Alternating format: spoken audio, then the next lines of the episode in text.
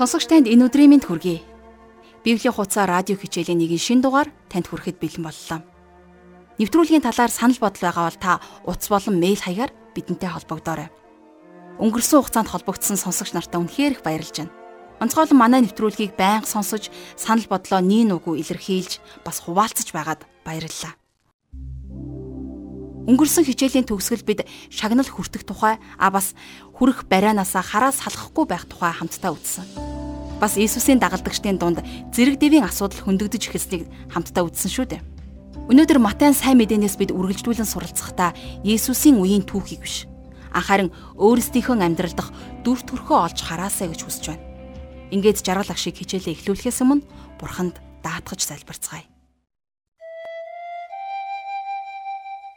Бурхан минь, бид танд өнөөдрийн хичээлийн төлөө талархаж байна.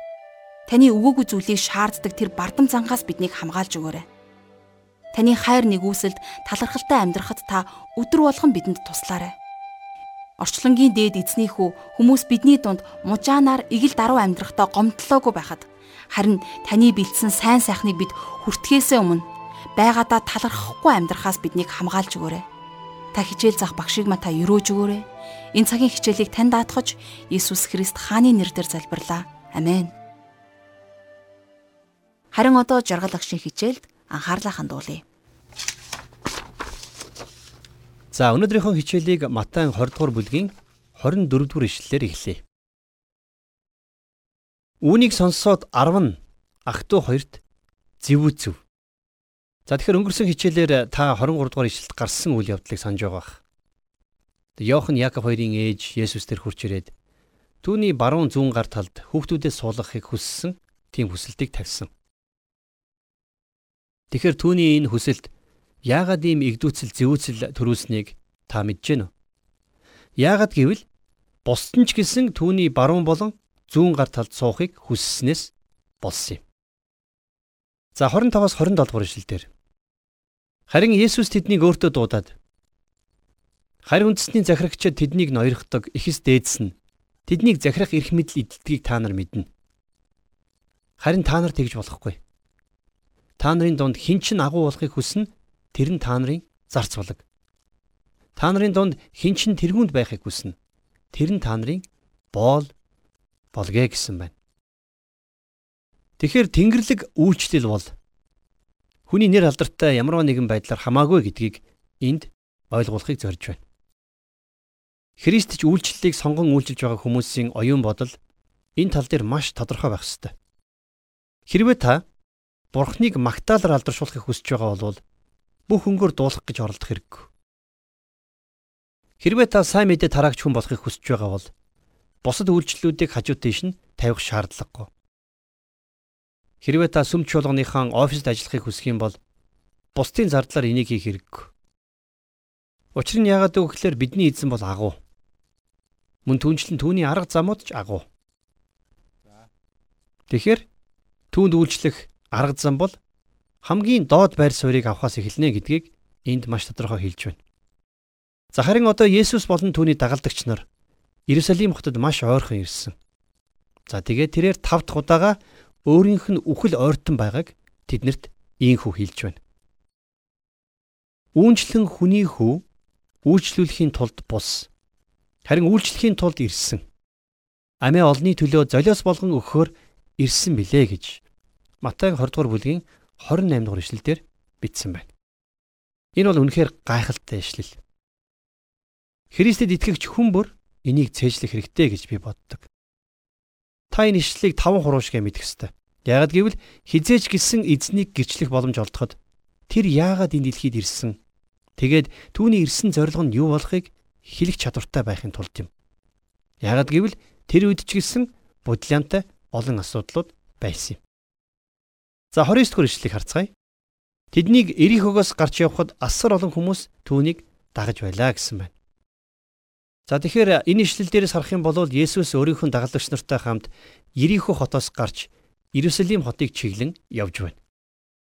За ингэж явсан нь нэгэн удаа Иерусалимаас гарч Ерихогийн зүг явж байгаад дээрэмчидтэй таарсан хүний яг эсрэг зүг явж байлаа. Эзэн Есүс Ерихо хотоос гарan Иерусалимийн зүг хулгайч дээрэмчидтэй хамт цовдлогдохоор явж байна. Энэ бол өөр нэгэн хурдны зам. Харин энэ замаар та бид хоёр явж чадахгүй. Зөвхөн Есүсийн өмнө итгэлтэйгээр л ирж чадна. Яг гэвэл тэр бидний оронд нас барсан юм.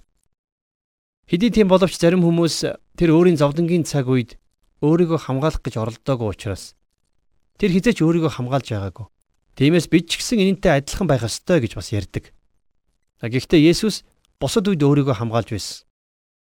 Би гимтээ тэр миний авах ёстойг авахын тулд Иерусалим руу явахдаа тэр өөрийгөө хамгаалаагүй.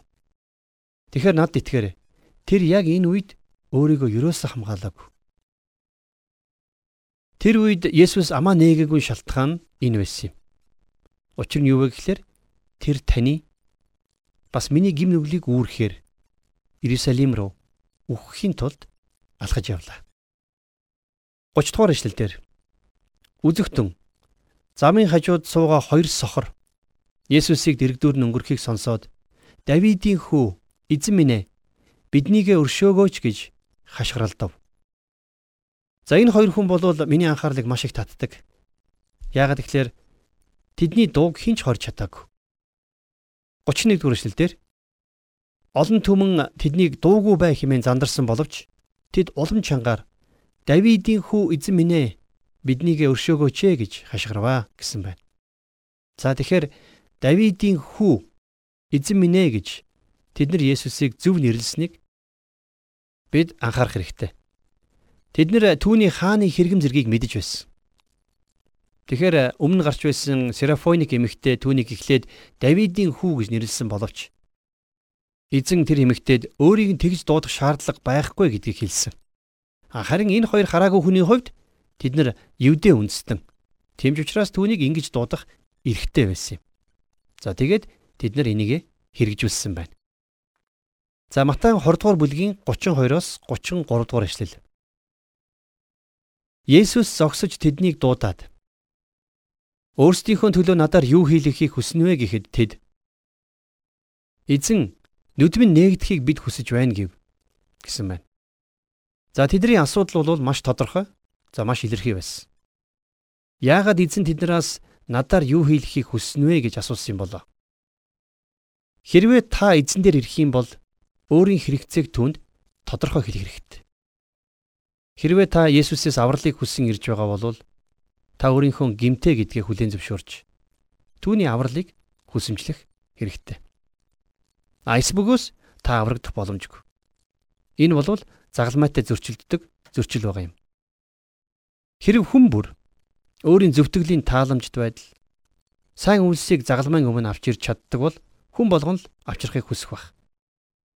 Гэвч бидэнд бурханд харуулчих сайн зүйл гэж юусоо байхгүй. Бүр ганц ч байхгүй. Та хүн төрлөختний зан чанарыг альва сургалт, сэтгэл судлал болон боловсрлоор илүү сайн болгож чадахгүй. Өөрөөр хэлэх юм бол хүмүүний гим нүглийг бид нар юугаарч угаах боломжгүй юм.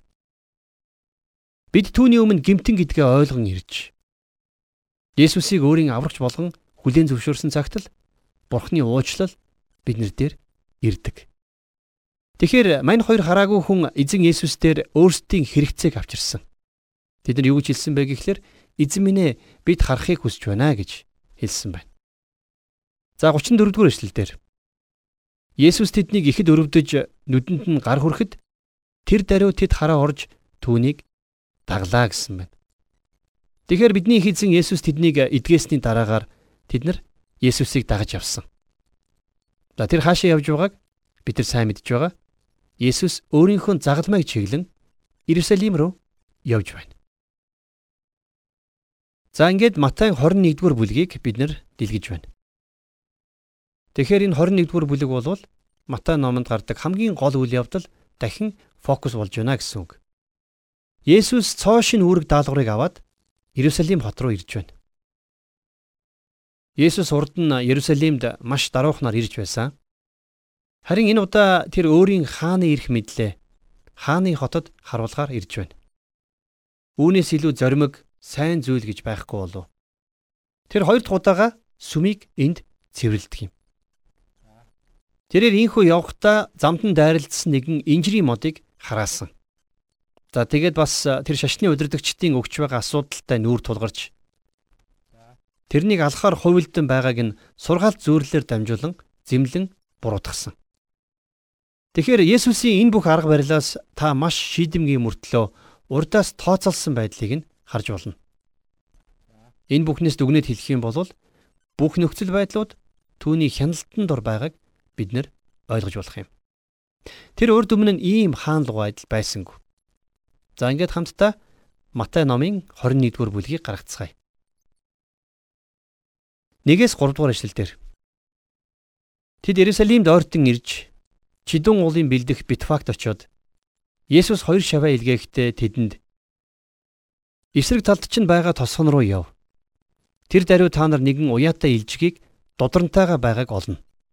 Тэднийг тайлаад над авчир. Хэрэг хэн нэгэн хүн та нарт юм хэлбэл эднэр эзэнд хэрэгтэй гэж хэлээрэй. Тэгвэл тэр хүн тэднийг даруй явуулнаа гэж айлджээ гэсэн байна. За яг энэ үйл явдлыг уншихдаа би олон хүмүүсийн боддог шиг ямар нэгэн гайхамшиг болсон гэж боддгоо. Энэ бол зүгээр л нэгэн энгийн нөхцөл байдал болсон гэдэгт би итгэдэг. Есүс хамгийн сүүлд Иерусалим хотод ирээд явхдаа магадгүй зарим найзуудтайгаа энэ амтныг дараа удаа хотод ирэхдээ хэрэглэе гэж тохиролцсон гарцаагүй. За тэр магадгүй өөрийнхөө хийх гэж байгаа зүйлээ тэдэнд илчилсэн учраас тэд тэрнийг дээгүр өнгөрөх баяраар ирэхэд нь тэдгээр амьдтыг Есүс зориулан бэлдэж тавьсан байхаа гэж би бодож байна. Миний бодлоор тэр өөрийн хоёр дагалдагчийг илгээж тэднийг ахуул болно гэж тэдэнд хэлсэн баг. Тэнхүү тэр дагалдагчдаа юу гэж хэлхийг нь хүртэл тэдэнд зааж өгсөн. Эднэр эзэнд хэрэгтэй гэж хэлээрэ гэж хэлсэн. За энэ үйл явдлыг бид нэр энэ өнцгөөс нь харах юм бол илүү ойлгомжтой гэж би бодож байна.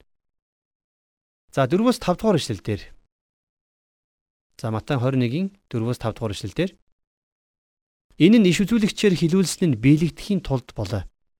Юу гэвэл Сионы охин хил харахтун чиний хаан чам руу ирж явна. Илжиг буюу ачаа зөөдөг амтны төл дудран унаж игэл даруухнаар ирнэ гэсэн юм. Тэгэхээр дээрх ишлэлийг хуучин гэрээний Зихрай номын 9-р бүлгийн 9-р ишлэлээс иш татсан байна. Энд ингэж бичсэн байдаг. Сионы охиноо үлэм жихээр баярлах тун Иерусалимийн охиноо ялалтын уухай хатаахтун үзэгтэн хаан чин чам руу очиж байна. Тэр бол зөв шудраг ялагдашгүй. Даруу илжиг унжээ. Илжигний унаг болох дудран унжээ гэсэн байна. Тэгэхээр Матай иш татсан энэ хэсэгт зарим нэгэн чухал зүйлийг хассан нь маш болгоомжтойгоор харьцуулсан харагдаж байна. Юу вэ гэхээр Сионы охиноо үлэмжихээр баярлах дөөн гэсэн хэсэг хасагдсан байна. Яагаад? Яагаад гэвэл бидний эзэн Иерусалим руу баярлан хөөхөөр ирээгүй. Энэ зүйл түүний хоёр дахь ирэлтэн дээр болох болно. За мөн тэр бол зөв шудраг ялагдашгүй гэсэн хэсэг хасагдсан баг. Тэгэхээр ялагдашгүй гэдэг үг нь түүний хоёр дахь ирэлтийн үед биелэх тэрхүү ялалтын тухай ярьж байгаа. Энэ хэсгээс гарч ирэх дүгнэлт бол Есүс хоёр дахь удаага энэ дэлхийд ирэхдээ маш сүр жавхлантайгаар ирэх болно гэдгийг батлан харуулдаг. Бидний эзэн Есүс илжигний додрон унснараа өөрийнхөө даруй байдлыг харуулж байна гэж бид таамагладаг. А гэхдээ энэ бол буруу. Энэ бяцхан амьтныг хаад ундаг байсан. Морийг бол дайнд эдэлж хэргэлдэг байсан харин илжгээр инх тайвныг бэлэгддэг байсан юм. Есүс Иерусалимд инх тайвны бэлэгдэл болсон бяцхан илжгийг унан орж ирсэн нь тэр өөрийнхөө хаан гэдгийг харуулсан. Тэгэхээр дээрх зүнчийн хэлсний дагуу тэр маш даруй байгаагаа ийхүү илэрхийлсэн юм. Энэ бол бидний ойлгох ёстой бас нэгэн чухал хэсэг байгаа юм. За цааш нь харъя 6-аас 9 дугаар ишлэл. Тэгээд шавнар явж Есүсийн загсан ёсоор гүйцэтгэж илжгийг додронтой навчрахад тэд дээр нь дээлүүдээ тогтцоолоо. Есүс илжгийг унав. Цугласан хүмүүсийн ихэнх нь дээл хувцсаа зам дээр дэвсгэд зарим нь модноос мөчр огтлон зам дээр тавьж байлаа. Түүний өмнө хойно нь явж буй хурсан олон Давидын хүүд Хосана эзний нэрээр ирэх чинь өрөөлтөй ёо.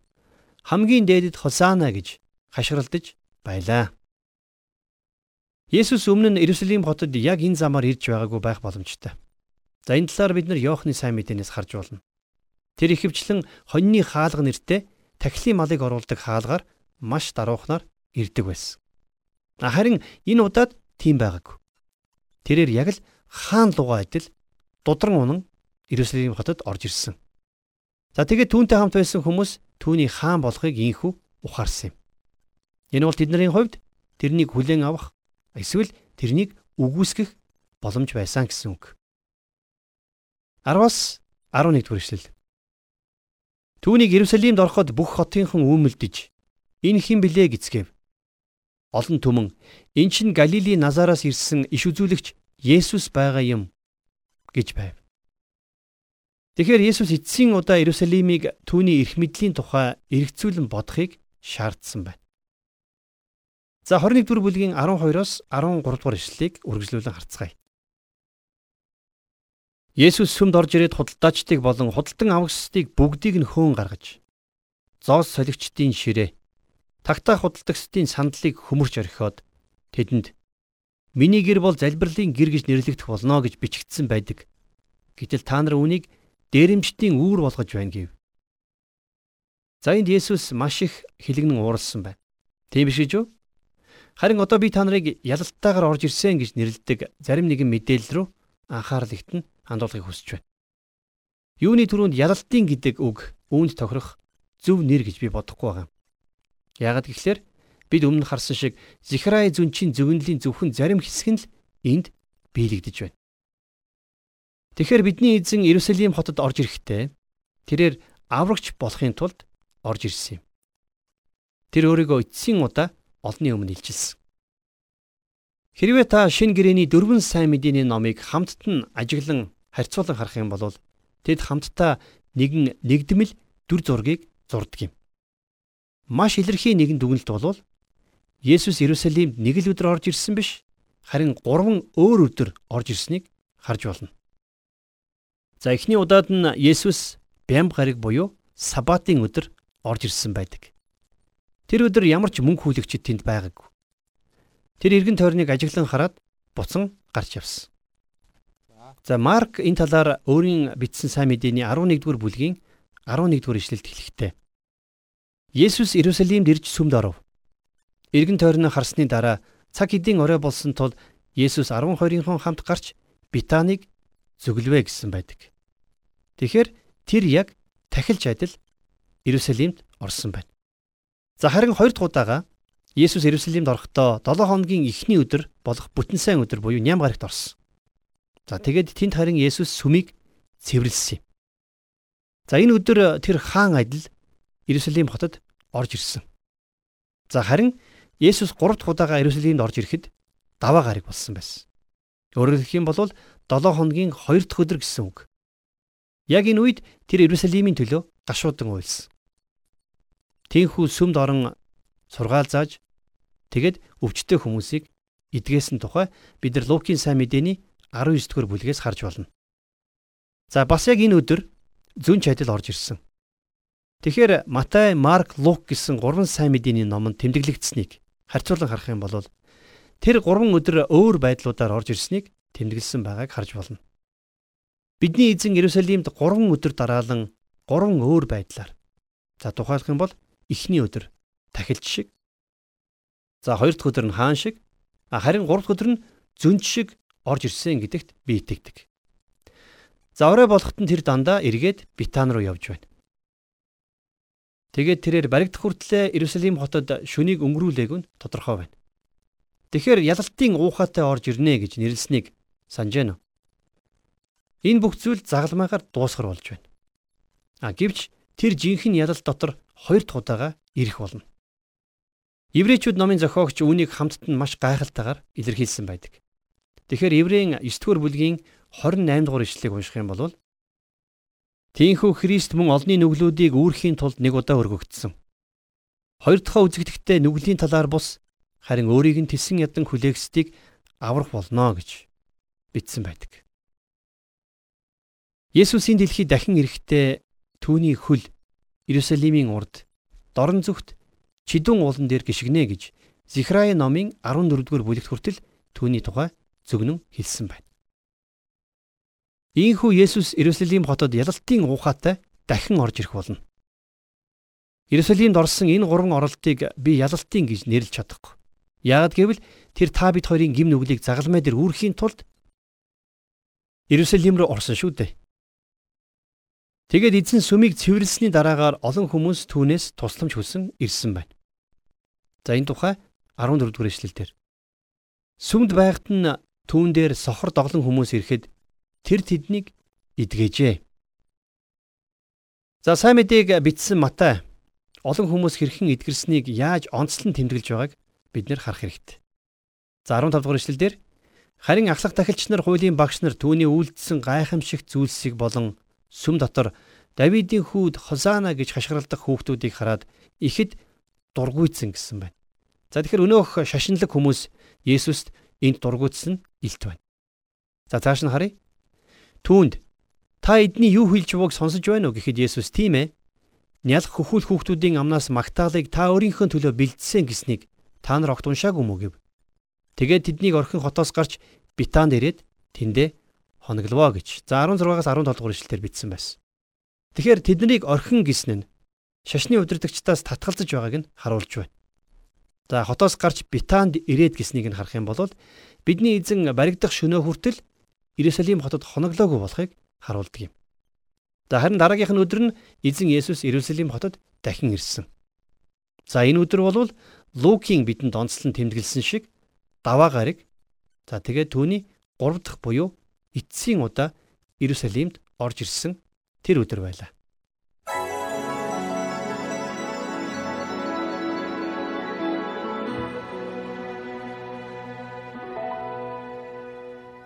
Тэгэхээр өнөөдрийн хичээлийг сонсоод сүм цуглааны талаар бид илүү гүн гүнзгий бодох шаардлагатайг ойлголоо.